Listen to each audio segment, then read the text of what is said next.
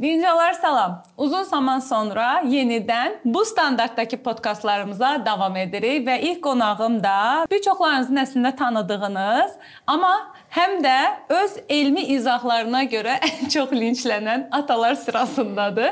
Və özəl olaraq seçdim ki, həm də ata və uşaq münasibəti müasir zəmanəmizdə necə olmalıdır və necə davam edir, o haqqda da maraqlı və bol suallarımı verə bilim uzatmayacağam. Qonağım Vüsaldır. Xoş gəlmisən Vüsal. Çox sağ ol dəvət elədin. Biraz özün haqqında qısa məlumat ver, Okay. kanalın və s. sonra suallarıma keçək. Adım Yusuf Vüsaldır. Ə, 31 yaşım var. İki övladım var. Xoşbəxt bir ə, ailəyə sahibəm. Gözəl yoldaşım var. Buradan salam göndərirəm. Elm elm el, Jest. Bəli. Elmi bloqinqlə məşğulam. TikTok, YouTube, Instagram, harda sosial şəbəkə varsa, orada maksimal dərəcədə maarifləndirici videolar paylaşmağa çalışıram. Kanalımı nəyə görə Uspace adlandırdım? Familiyam Yusiflidir. Space-i sevirəm, birləşdirdim, ortağa Uspace çıxdı.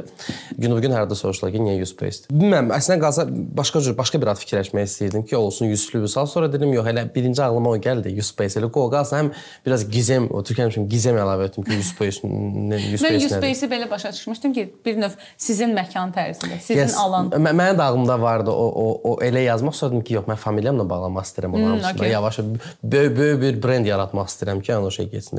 Uspace və s. və s. gedəcək. Suallarıma keçmək istəyirəm. Öncəliklə istəyirəm ə, məs atalıqdan başlayım. Hı -hı. Daha sonrasında artıq sənin hazırki əsas fokusun olan elm sahəsinə keçmək istəyirəm.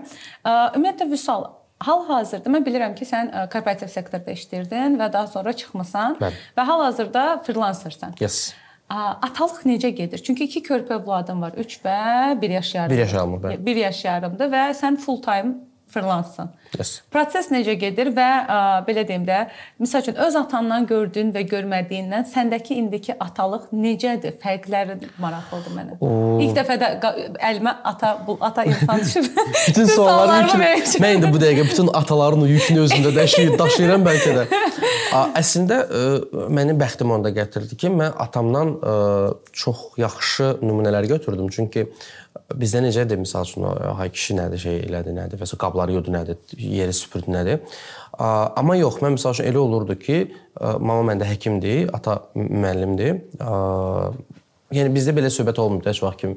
Yox, ancaq qadın qabları yumalıdır. Elə olub ki, papa da qabları yuyub, mama da qabları yuyub, papa da yeri süpürüb, mama da yeri süpürüb. Hətta ə, biz məsəl üçün bacımdan deyirik ki, papa, papa bədən bişirsin səhər yeməyini. Papa daha yaxşı bişirir pomidor yumurtanı. Həqiqətən Hal-hazırda eynisini mənə eləyirlər. Çox xətrimə dəyir. papa Amma həqiqətən deyim ki, papa həqiqətən daha mama üzr istəyirəm, bağışla, amma papa daha yaxşı bişirdi pomidor yumurtanı. İndi bəlkə də əlavələr, qatqılar eləyirdi. Məsələn, biber, biber qızardırdı, soğan eləyirdi, çox ləzzətli bir şey alınırdı ortaqda. Eksperiment sevirdi, biz də biz də bizə xoşlayırdıq belə şeylər. E, mən ondan görürdüm ki, ə, kişinin bunu etməsi ayıb deyil, əslinə qalsa yoldaşına bir Yəni bu yardım da deyil. e. Ə, Mən bunu yoldaşımla ə, ruslar demişkən praraботать eləmişdim evlənəndən sonra. Bunu artıq anladım. Ə, Yoldaşım da mənə o şey mesajı ötürə bildi ki, ə, ər və arvad ə, biraz şey səslənir də, həyat yoldaşları bir-birinə yardım etmirlər. Sadəcə olaraq vahid bir işi birlikdə görürlər. Hı -hı. Yəni misal üçün mən əgər qabları yuyuramsa, bu mənim ona yardımım deyil. Yəni bu bizə nə oxşayır? Elə bil ki, mənim yoldaşımın zaten işidir bu. Eynən. Mən buna sadəcə olaraq yaxşı gəl mən bunu eləyim. Yox, mən buna gəlmək üçün uzun müddət keçdi evlənəndən sonra əlbəttə ki. İndi mən buna yoldaşım yenə də istərsə çox sağ ol dedim ki, yox da bu yenə də zaten mənim də borcumdur. Yox da uşaqlarla oluram. Mən də valideynəm, mənim də bir ata olaraq məsuliyyətim var. Mən də uşaqlarımla vaxt keçirməliyəm.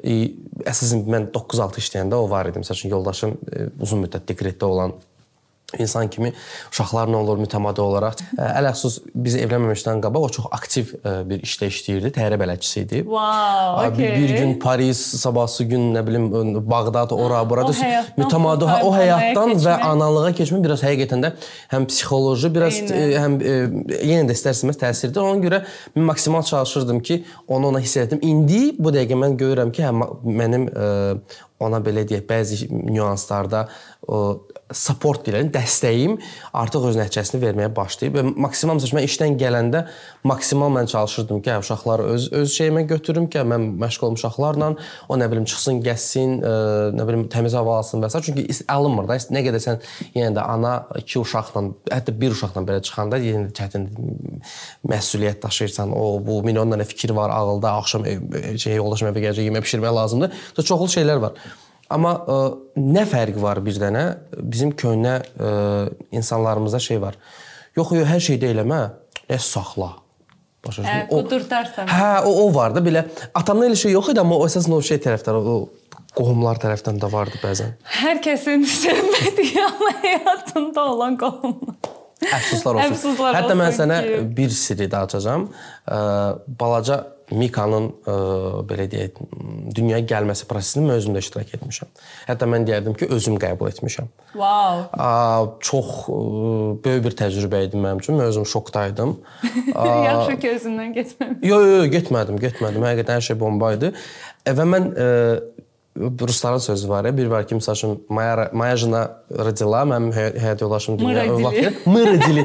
O həqiqətən də mən mən Mika dünyaya gələndən sonra Mikail mən tamamilə başqa cür baxmağa başladım da məsələyə. Çünki ə, Amer istərsə məsələn dünyaya gəlir, sən sadəcə olaraq şeydəsən. Prosesdəsən də. Sən roddomda, sən roddomda sadəcə olaraq şey sayırsan da, addım sayırsan Aysa. ki, nə vaxt gələcəyini 3 gündən sonra görəcəm uşağı. Ha burada uşaq sənin əlindədir, sən şokdasan. İ, mama da şokda, hamımız şokdaydıq da. Dolayısıyla yəni belə çox böyük bir təcrübə oldu mənim üçün. İ, mən ə, böyüdüm sanki bu prosesdən sonra. Bir şey kimi biraz biraz daha çox ə, pis tərəfdən yaxşı məsuliyyət əlavə olundu üstümə biraz. Çox maraqlı təcrübədir əslində. Mənə ə, məsəl üçün prosesdə Bir var ki, bu mövzulardan hər zaman qadınlar danışır. Mən məsəl üçün hər zaman bunun əleyhinə olmuşam ki, yəni qadın mənə dəstək lazımdır ya da ki mənə dəstək olmursan, biz bölürük deyəndə bu sanki cəmiyyət tərəfindən qadın özünü təsəlli yeri axtarırmış kimi görsənir. Amma bunu qarşı qarşı cinsdən eşidəndə, hə qadın deyir ki, "A, okey, o deyirsə düzdür." Bunun özü belə əslində bir yerdə travmadır. Patrial evet. patriarxal cəmiyyətin bir travmasıdır. Hə, kişi deyirsə deməli, deməli düzdür. Eynən. Yəni və burada da bax çox önəmli nüansa toxundun. Məsələn, doğum nüansı da. Yəni bir bir neçə eksperiment çıxmışdı qarşıma ki, hardakı kişilərə qarnına insana e, süni sancı. E, həmin effekti yaşadılar. Həmin o effekti yaşatmaq üçün və çox az faizi ümumiyyətlə 100-ə çata bilmir. 100 ən son etapdır da. 100-ə çata bilmir və ondan sonra həyatlarında empati qurduqlarını, onu başa düşdüklərini və s. deyir. Yəni bilmirəm o təcrübə necə bir şeydir. Çünki yəni belə deyim də mən o prosesi real yaşayan insan olaraq. Mən açığı simpatik nə onadı doğuş keçirmiş kimi oldum. Yəni həqiqətən hiss o fiziki hiss etməsən, onu mənəvi hiss edirsən istər-istəməz. Çünki maksimal dərəcədə empatiya qurursan, başa düşürsən ki, yox hər şeydə o şey deyil, çiçəklər, böcəklər o deyil yəni. Eynən, eynən. Mən indi daha hazır ki, sənin də elə məşğul olduğun sahə üzrə getmək istəyirəm və ə, nəzərə alsaq ki, bizi 90% elə demək olar ki, valideynlər izləyir. Misal bu gün TikTok-u hamı deyir ki, bərbad platformadır, çox Hı -hı. toksik platformadır və s. və laxır. Amma sən bu gün məhz TikTok-dan başladın. Düzdür? Doğru xatırlayıram. YouTube-dan başladım, amma TikTok mənə ikinci nəfəs verdi. İkinci nəfər. Yes. Eynən. Yəni mən özüm belə səni TikTok-dan kəşf etdim. Və sən TikTok-da bu gün hamının belə deyim də, əşi orada ona heç kim baxmaz dediyi mövzudan yes. başladın. Elm. Yəni elmi yollarla insanlara bunu sübut etmək. Nə bilim, ay günəş deyil və yaxud da ki, yer düz deyil mənim çox qarşıma deyil. çıxan videoların. Hər dəfə trigger yer düz şeydir, deyil yer düz və s. və bir çox videolarında məsəl üçün mən özüm belə belə qalırdım ki, ayda buna hələ də inanan insanlar var yəni və açıb kommentləri, rəylərə baxanda şok keçirirdim ki, inanan var nədir? Hələ bunun bir davasını da eləyirlər ki, sən bilmirsən. Biz bu insanlarla eyni havanı alırıq. Eynən və biz bu insanlarla eyni havanı alırıq. Yəni bu gün Vüsal niyə məhz elmi sahəyə fokuslanıbdı? Niyə o istiqamətdən TikTokda ə... belə deyim də videolar, video kontentlərini artırdı və qorxmadımı ki, bu tutmaz? Əslinə qalsa qorxu YouTube-da da var idi. Hı -hı. Çünki mən YouTube-a başlayanda ə, hətta mən sən belə bir şey deyim. Mən TikToka daxil olmamışdan qabaq mən fikirləşirdim ki, mən YouTube-u bağlayacağam. Ümumiyyətlə layihəni bağlayacağam çünki YouTube-dan istədiyim geri dönüşü, feedback-i ala bilmədim. Çox böyük depressiyada idim və s. ki, yəni o boyda iş görürsən, yəni zarafat deyil də bir mövzunu oturub hazırlayırsan, videoda onlar təqribən bir 20 dəqiqəlik mövzunu tamamilə hər ə, prizmadan çalışırdım, əhatə edim. Amma baxmırdılar. 700-800 baxış olurdu YouTube-da. O da ki, ə, dost tanış paylaşırdı deyə maksimal dərəcədə o şey tuta bilirdin də riçi maksimum. Mən iş yoldaşım ə, Ürfət mənə məsləhət gördü ki, sən bir TikTok-u sına. Yoxla da indi bu dəqiqə hər kəs ordadır, birdən alınar. Amma ətrafda olan hər kəs mənə deyir ki, yox, sən kamikazəsən, heç kəsə bu lazım deyil. Ələxüsus TikTokda baxmayacaqlar. Mən də ümumiyyətlə TikTokdan uzaq olan bir insan idim. Mən maksimum Instagramda videolara baxırdım. Yəni Instagramda TikTokun videolarına baxırdım. O da necə? O da Instagramda TikTokun videolarına xaxa məqsədi ilə yüklənirdi, elə baxırdım. Nəysə girdim TikToka, bir video, iki video, üç video getmir. Gördüm mən nə edirdim? Mən YouTube-dakı videolarımı adaptasiya etməyə çalışırdım. Gördüm yox, TikTok deyir ki, qardaş bu deyil. Yoldaşım mənə dedi ki, biraz formatı dəyişəsən bəlkə. Nəsə formatı başladım dəyişməyə, sanki özüm özümlə danışırdım, suallar falan. Bir video çəkmişdim. Dedim dünyada nə qədər pul var? Bunun videosu çəkdim, cəmaata maraqlı gəldi və o o Daha cəmaatın damarından vurub. Vurdum, vurdum. Amma ən maraqlısı bu da deyildi. Cəmi 1000 baxış yığdı. Mən də sevindim ki, ayda 1000. İndi mən 1000 baxış yığanda bu nə deyim? Mən 10 min gözləyirəm. O heç vaxt xoşbəxt olmayacaqsan söhbəti budur. 1000 baxış yığıldı. Mən sevindim. O nə qəşəng. Bir qardaş sual yazdı ora ki, bəs yaxşı, Sakit okeanda neçə armuduz stəkan su var? Bu, bu, bu nə sualdır sən mənə verirsən? Nəsə girdim, dedim mən bunu araşdıracağam, mən bunu axtaracağam nədir? Deməli mən bunu araşdırdım, ortalığa 37 seksilyon rəqəmi çıxır. Okay. Vurdum, çıxdım o yan bu yan. Mən bu videonu çəkirəm. Özdə bilirsən necə çəkirəm? Belə xala xətrin qalmasın çəkirəm. Ay nə bilim, indi nə edirəm? İndi işıq qur, onu falan bax əməl mikrofon olsun, o olsun. O vaxt elə belə telefon çıxartdım, çəkdim, iş yerində idim. Bekar da, başa axşam saat neçə idi? 5 idi. Videonu çəkdim ki, hə, bəs şeydə armudu stəkanda filan qədər həcm tutur, orada filan qədər su var, vurub çıxanda olur 37 seksilyon armudu stəkan. Dünyada o qədər yoxdur.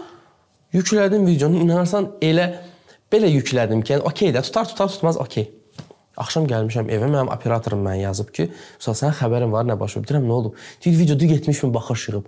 Necə? Mənim YouTube-da 70 min baxışım yox idi. Bu mümkün deyil. Hamı yazır, biri oradan gülür, biri oradan nə bilim 18 plus mizahlar eləyir, 6 milyon sözü axı adamın gözünə pecik. Nə müəllim, bu nə sözdür? Sıfırını sayanmadım falan. Ha, bu nə lan? Bu Mən birinci ağlıma sıfır gəldi. Özü hər ikinci komment şey, hər ikinci şərh şeydir. Saydım mı lan belə o standart tipik Azərbaycan şərhləri. Gördüm ki, yox, bunu tutmaq lazımdır. Yəni o lavina gəlir, o o üstünə o surfing boardla üstünə düşüb getmək lazımdır. TikTokda adımı dəyişdim, yazdım. Suallara cavab verən adam orada bütün suallara başladım bir-bir cavab verməyə. Buna cavab ver, buna cavab ver. Okay. O lavinanı tutdum, 24 gün ərzində 10 min insan gəldi. Wow. Mən özüm şokda idim ki, mən 24 gün ərzində elə bir şey elədim ki, mən 2 il bunu eləyə bilmirdim YouTube-da.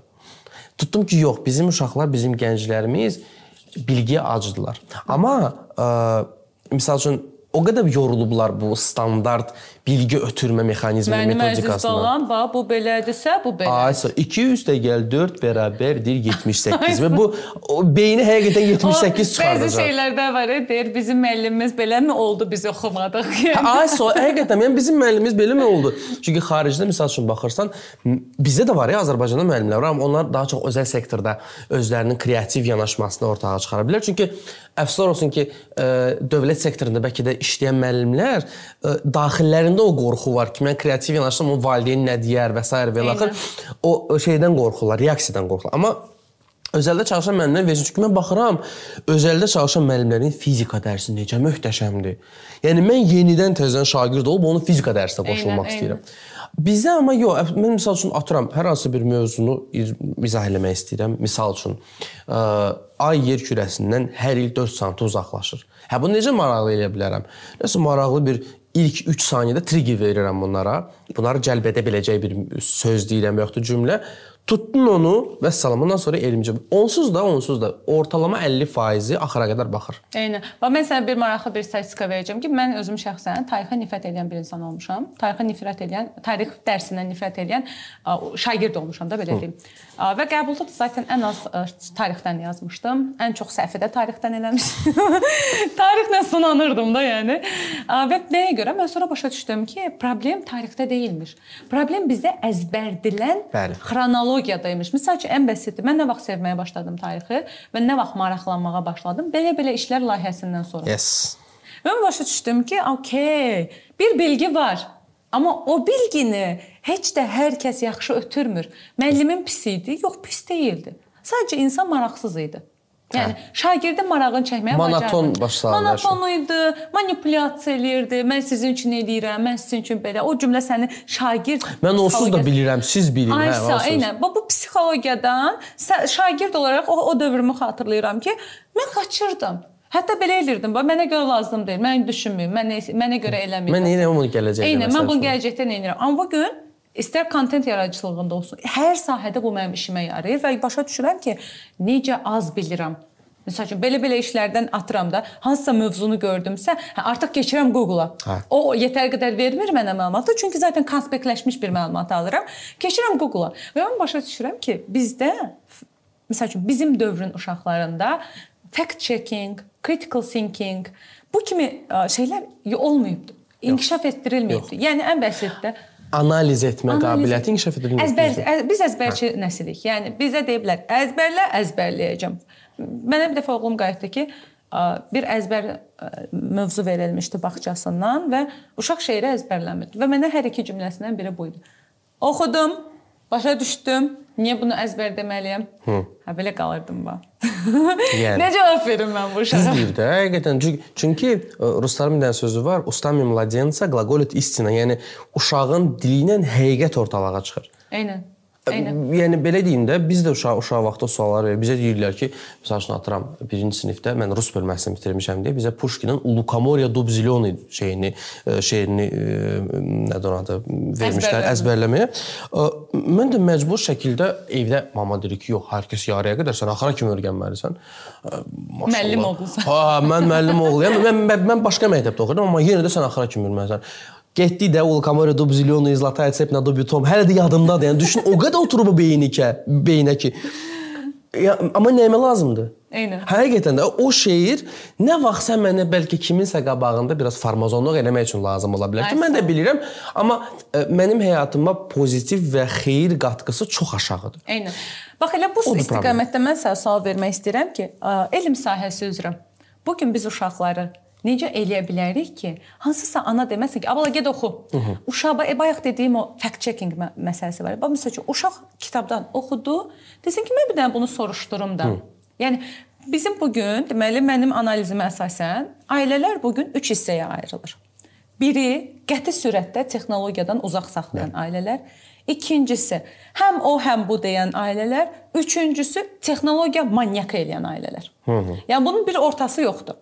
Və bu gün belə deyək, məs elmi mövzuları tarixi faktları və s. ümumiyyətlə uşaqlarda fact checkingi sırf elmi mövzu istiqamətindən necə maraq artırmaq olar? Yəni Vüsal bu gün necə eləyərdi ki, onun iki övladı o istiqamətdən daha çox marağını artırsın? O, belə deyim. Əgər belə onsuz da uşaqlarda maraq oyatmağa ehtiyac yoxdur. Onlar onsuz da hər şeylə maraqlanırlar. Mən Finlandiya modelini sevirəm. Finlandiyada dərslər 4 gündür və 4-4 e, saat da səhv etmirəmsə məktəblərdə. Onlar əsasən ətrafda gəzirlər, meşədə, orada, burada və istərsəniz ağaca qalxan uşaq dələni görəcək, dələ maraqlı olacaq onu. Sonra gəlib biologiya müəllimindən soruşacaq, öz valideynindən soruşacaq. Əsas məsələ onun soruşacağı o yer o bilgiyə ya sahib olmalıdır, ya da o bilgini bilmək istəməlidir. Məsələn, mənim övladım mənə yaxınlaşıb soruşsa ki, "Papa, nəyə görə Venera bütün planetlərə qarşı əksinə fırlanır?" Mən bilməsəm, mən deyəcəm ki, tamam bala, gəl oturaq birlikdə araşdıraq. Mən övladıma göstərməliyəm ki, mən bilmirəm, okey, mən hər şey bilmək məcburiyyətində deyiləm zaten. Yəni bu e, ideal valideyn obrazından hə, elədir. Biz bizim bir çox valideynlərimiz onu bilim. Yox, məcbur deyilsən. Eynən. Ə, ə, mənim yoldaşım mütəmadi olaraq bu sözdür. Deyir biz özümüzü tərbiyə eləməliyik. Çünki uşağımız nə qədər də şeysə bizə baxıb, bizi rol model götürüb bizə oxşamağa biz- çalışacaq. Biz özümüzü maksimum inkişaf elətdirək. Biz özümüz əlimizdə kitabla olaq ki, övladımızdan kitab kitab oxumasını istəyək. Çünki sən belə deyək, biz bu sıcadan kənarda demişdim ki, valideyn əgər oturub televizorda ə, h- hər hansısa bir ailə məişət proqramına baxırsa, övladının necə tarixi oxumasını istəyə bilər Ay, və yaxud da ki, fizikasını bilməsini istəyə bilər. Çünki sən orada baxırsan ki, kiminsə ailəsinin müzakirəsi gedir. O belə getdi, qaynana gəlin və sən uşaqdan tələb edirsən ki, "Abala sən riyaziyyatı bil, həm də sən." Sən qaynına gələn söhbətləri eləmə ha. Niyə də? O bizə nə oxşayır? Ata içir, içmə ya. İçmə. Ya da çəkir, deyir, siqaret zərərlidir. Bu axı sən uşağın beynində paradoks yaradırsan ki, ə, necə yəni ata eləyir axı, ata da mənim üçün şeydir, rol modeldur və ə, mən indi bu hazırda bu bu bu şeyin üstündə işləyirəm. Saxtakar sindrom barəsində ə, bir ə, spoiler verdim O, Yüngül. okey, çox maraqlı mövzudur. Yəni o, o o sindrom mənim uzun müddət yaşadığım bir sindromdur. Onun, onun üstündən keçirəm və həqiqətən də fikir verdim ki, uşaqlar öz valideynlərinə həqiqətən də möhtəşəm gözlə baxırlar ki, onlar idealdır və s. Reallıqda elə deyil təbii ki. Biz maksimal dərəcədə uşaqlarımızı reallığa qaytarmalıyıq. Biz birlikdə araşdırma etməliyik ki, biz ayrı şeylər deyilik, fərdlər deyilik. Biz bir komandadayıq. Araşdırmanı da birlikdə eləyək. Oğlum mənə keçən dəfə evə gəlmişdim. Yoldaşım dedi ki, onun üçün cizgi filmində qoş. Amma dedim hansını dedi orada kosmosla bağlı raketa, onu qoş. Ora raketa qoşdum. Bu başladı mənə suallar verməyə. Bu niyə aya uçur və s. və s. Ha mən artıq maraqlı gəldi ki, buna vurub- bilirəm bu mövzunu artıq. Başladım bunu izah eləmə görürəm ki, belə belə gözləri böyük, mən belə bir diqqətlə baxır. Mən bilirəm ki, 5 ildən sonra, 10 ildən sonra bu məndə olan marağı görüb daha da şey olacaq ki, atama maraqlıdır. Deməli nəsə var ki, atama maraqlıdır. Əgər biz bizim valideynlərimiz heç bir şeyə marağı olmayacaqsa, uşaqdan biz bunu həqiqətən tələb etməyimiz riyakarlıqdır. Həqiqətən də riyakarlıqdır. Ya da ki, məsəl üçün, əgər uşaq bizə nə isə maraqla danışırsa və bizə hə yaxşı, yaxşı, yaxşı. Hə, ya da sual verirsə, abala bu nə gic suallardır Ay, sağ, Bu- gicik o- suallar. Biz bu biz bu suallarla böyümüşük. Hə. Bu nə gicik, Bu nə gicik suallardır. Axı necə yəni hətta mənim YouTube-da belə birinci videom o idi ki, sual ən dünyanın ən birinci sualları nə olub? Çünki insanlar elm insanlar özlərinə o sualları veriblər ki, ortalığa bu qədər nəticə əldə edilib. Mən ə, bir dəfə deməli oturub hesabladım. Böyüyüm səhv eləmirəmsə ya 3 ya 4 yaşında idi. Tam dəqiq yadımda deyil də. Amma bu statistikanı heç vaxt unutmaram. Ki mənə 1 saat içində neçə dənə niyə sualı verdi? 55 dənə 3 mövzu ətrafında eyni sualı 55 dəfə verdi. Və mən başa düşdüm ki, mənim belə mən belə bir lüksdə böyüməmişəm. Bu artıq mənim gözümə bir sən necə görsəndə, oy da lüksdür ya. Yəni. Həqiqətən Uşaq lüksdür. 55 dəfə niyə soruşur və mən ana olaraq ona o qədər cavab verirəm. Və ə, bir də baxdım ki, əslində mən öz travmamdan da travmamın da üstündə işləmişəm. Nə olaraq ki, ə, məsəl üçün mən onu susturmaq əvəzinə, bu nə gic suallardı versə, mən yadıma düşdü ki, "Ha, mən bu suallara ac olmuşam. Mən bu sualıma heç kim cavab verməyib. Mən bunun cavab buna cavab verim. Və elə olanda da baxırsan ki, oyda onun niyələrindən necə fərqli cavablar gəlir. Hətta bir dəfə belə oldu ki, mən qayıtdım ki, oyda Emil Mən indiyənə qədər bu sual haqqında düşünməmişəm. yəni Çünki sənin baxmadığın bucaqdan baxır. Ay. Çünki travması yoxdur. Eynən. Beynində bloklar yoxdur. Ona görə hər Eynən. tərəfli hə, ə, çox xaşə ə, çox xaşəli baxır. Eynən, yəni və belə qaldım və ondan sonra özümü sorğuladım ki, oyda 30 yaşıma çatmışam. Niyə mənə bu sual heç maraqlı olmuyor? Çünki sənə o sualı verməyə icazə verməyib. Ya da bəlkə vermişəm, heç cavab almamışam. cavab almamısan Hə, bəlkə. yəni yüksək ehtimal ki, cavab almamışam. Ona görə də mən indiki ə, uşaqları çox şanslı uşaqlar hesab edirəm ki, Bu nəsil həqiqətən çox şanslı. Eynən və çox şanslı. Və mənim çox maraqlı bir sual var ki, Vüsal, bilmirəm bu auditoriyaya nə qədər maraqlı olar. Vüsal uşaqlar istiqamətindən elmi kanal yaratmaq istəyirmi? Əslində qalsa istəyirəm. Hətta böyük oğlumdan istəyirəm artıq yavaş-yavaş başlayım ki, ə, onun da artıq şey var, belə ə, arzusu var ki, gəl çəkək filan. O baxar məsəl üçün ə, rus ə, Eynən. Çünki kanallarında. yetəri qədər rus, türk və ingilis dilində Elədir. var. O kontentlər var. O görürəm ki, arada bir gəzir, deyir kimsə rus dilində danışır da, deyir ki, şey deyir, "Подписывайтесь на канал." Deyirəm ki, sən əməli başda hazırsan da, gəl başlayaq. İki studiya hər bir şərait var. Fikirləşdim ki, eləmək olar. Bir dənə Uspace Junior açım, sırf uşaqlar üçün, yəni valideynlərin uşaqların qarşısına qoya biləcəyi rahat, normal bir kontent. Eynən. Eləyə, niyə də yox? Yəni sadəcə olaraq ə, bizdə ə, buna ehtiyac yox. Ə, spros şey yaradılmalı, tələb tələb yaradılmalıdır ki, valideynlərin qarşısına bu çıxardılmalıdır ki, belə bir şey də var. Türkiyəyə getmək ehtiyacı var. Çünki mən fikir verirəm, valideynlərin bir çoxusu türk ya rus dilini bilmirsə, türk dilində Eynən. qoşur Eynən. və uşaqlar məsəl üçün toyuq sözünü tavuq deyir. O tavuq deyil axı, yəni eynən, eynən. edə bilərik Azərbaycanda. Qınaya da bilmirəm. Azərbaycanda belə kanallar çox az. Eynən, çox az. Yaratmalıyıq. Eynən, çox razıyam. Məsəl üçün mənim oğlum daha çox rus və ingilis dillərində baxır və Dolayısıyla texnoloji terminləri Azərbaycanca bilmir. Elədir. Və sənə izah eləyir və bir yerdə başa düşür ki, sən onu başa düşmürsən. Çünki rus dilində deyil və terminlərdir bunların hamısı və deyir heç nə. Və o o o belə bloka sala bilər də onu. Ona görə məsəl üçün bizim hal-hazırda mənim araşdırmama əsasən təbii ki, ölkəmizdə yetər qədər maraqlı Azərbaycan dilli məhz animasiyon belə deyim də inkişaf etdirici kanallar var. var. Yəni A, B, C bu zürafədir, bu şirdir, bu fildir və s. Amma məhz texnoloji istiqamətdən yoxdur Yox. və çox istərdim ki, olsun. Burdan da biz sənə bir mesaj ötürmək. Olacaq. Bundan sonra artıq daha da çox üstünə düşəcəm. Çox sağ ol gəldiyin üçün, təklifimi qəbul etdiyin üçün. Xoş idi. Belə ninjalar, əgər siz də istəyirsinizsə ki, Vüsal elmi istiqamətdən övladı ilə birlikdə kanal açsın, o zaman rəy bölməsində yazın və Vüsal daha çox motivasiya eləyək bu istiqamətdən. Növbəti qonağımızın kim olması ilə bağlı fikirləriniz varsa və yaxud da təklifiniz varsa, rəy bölməsində bildirməyi unutmayın.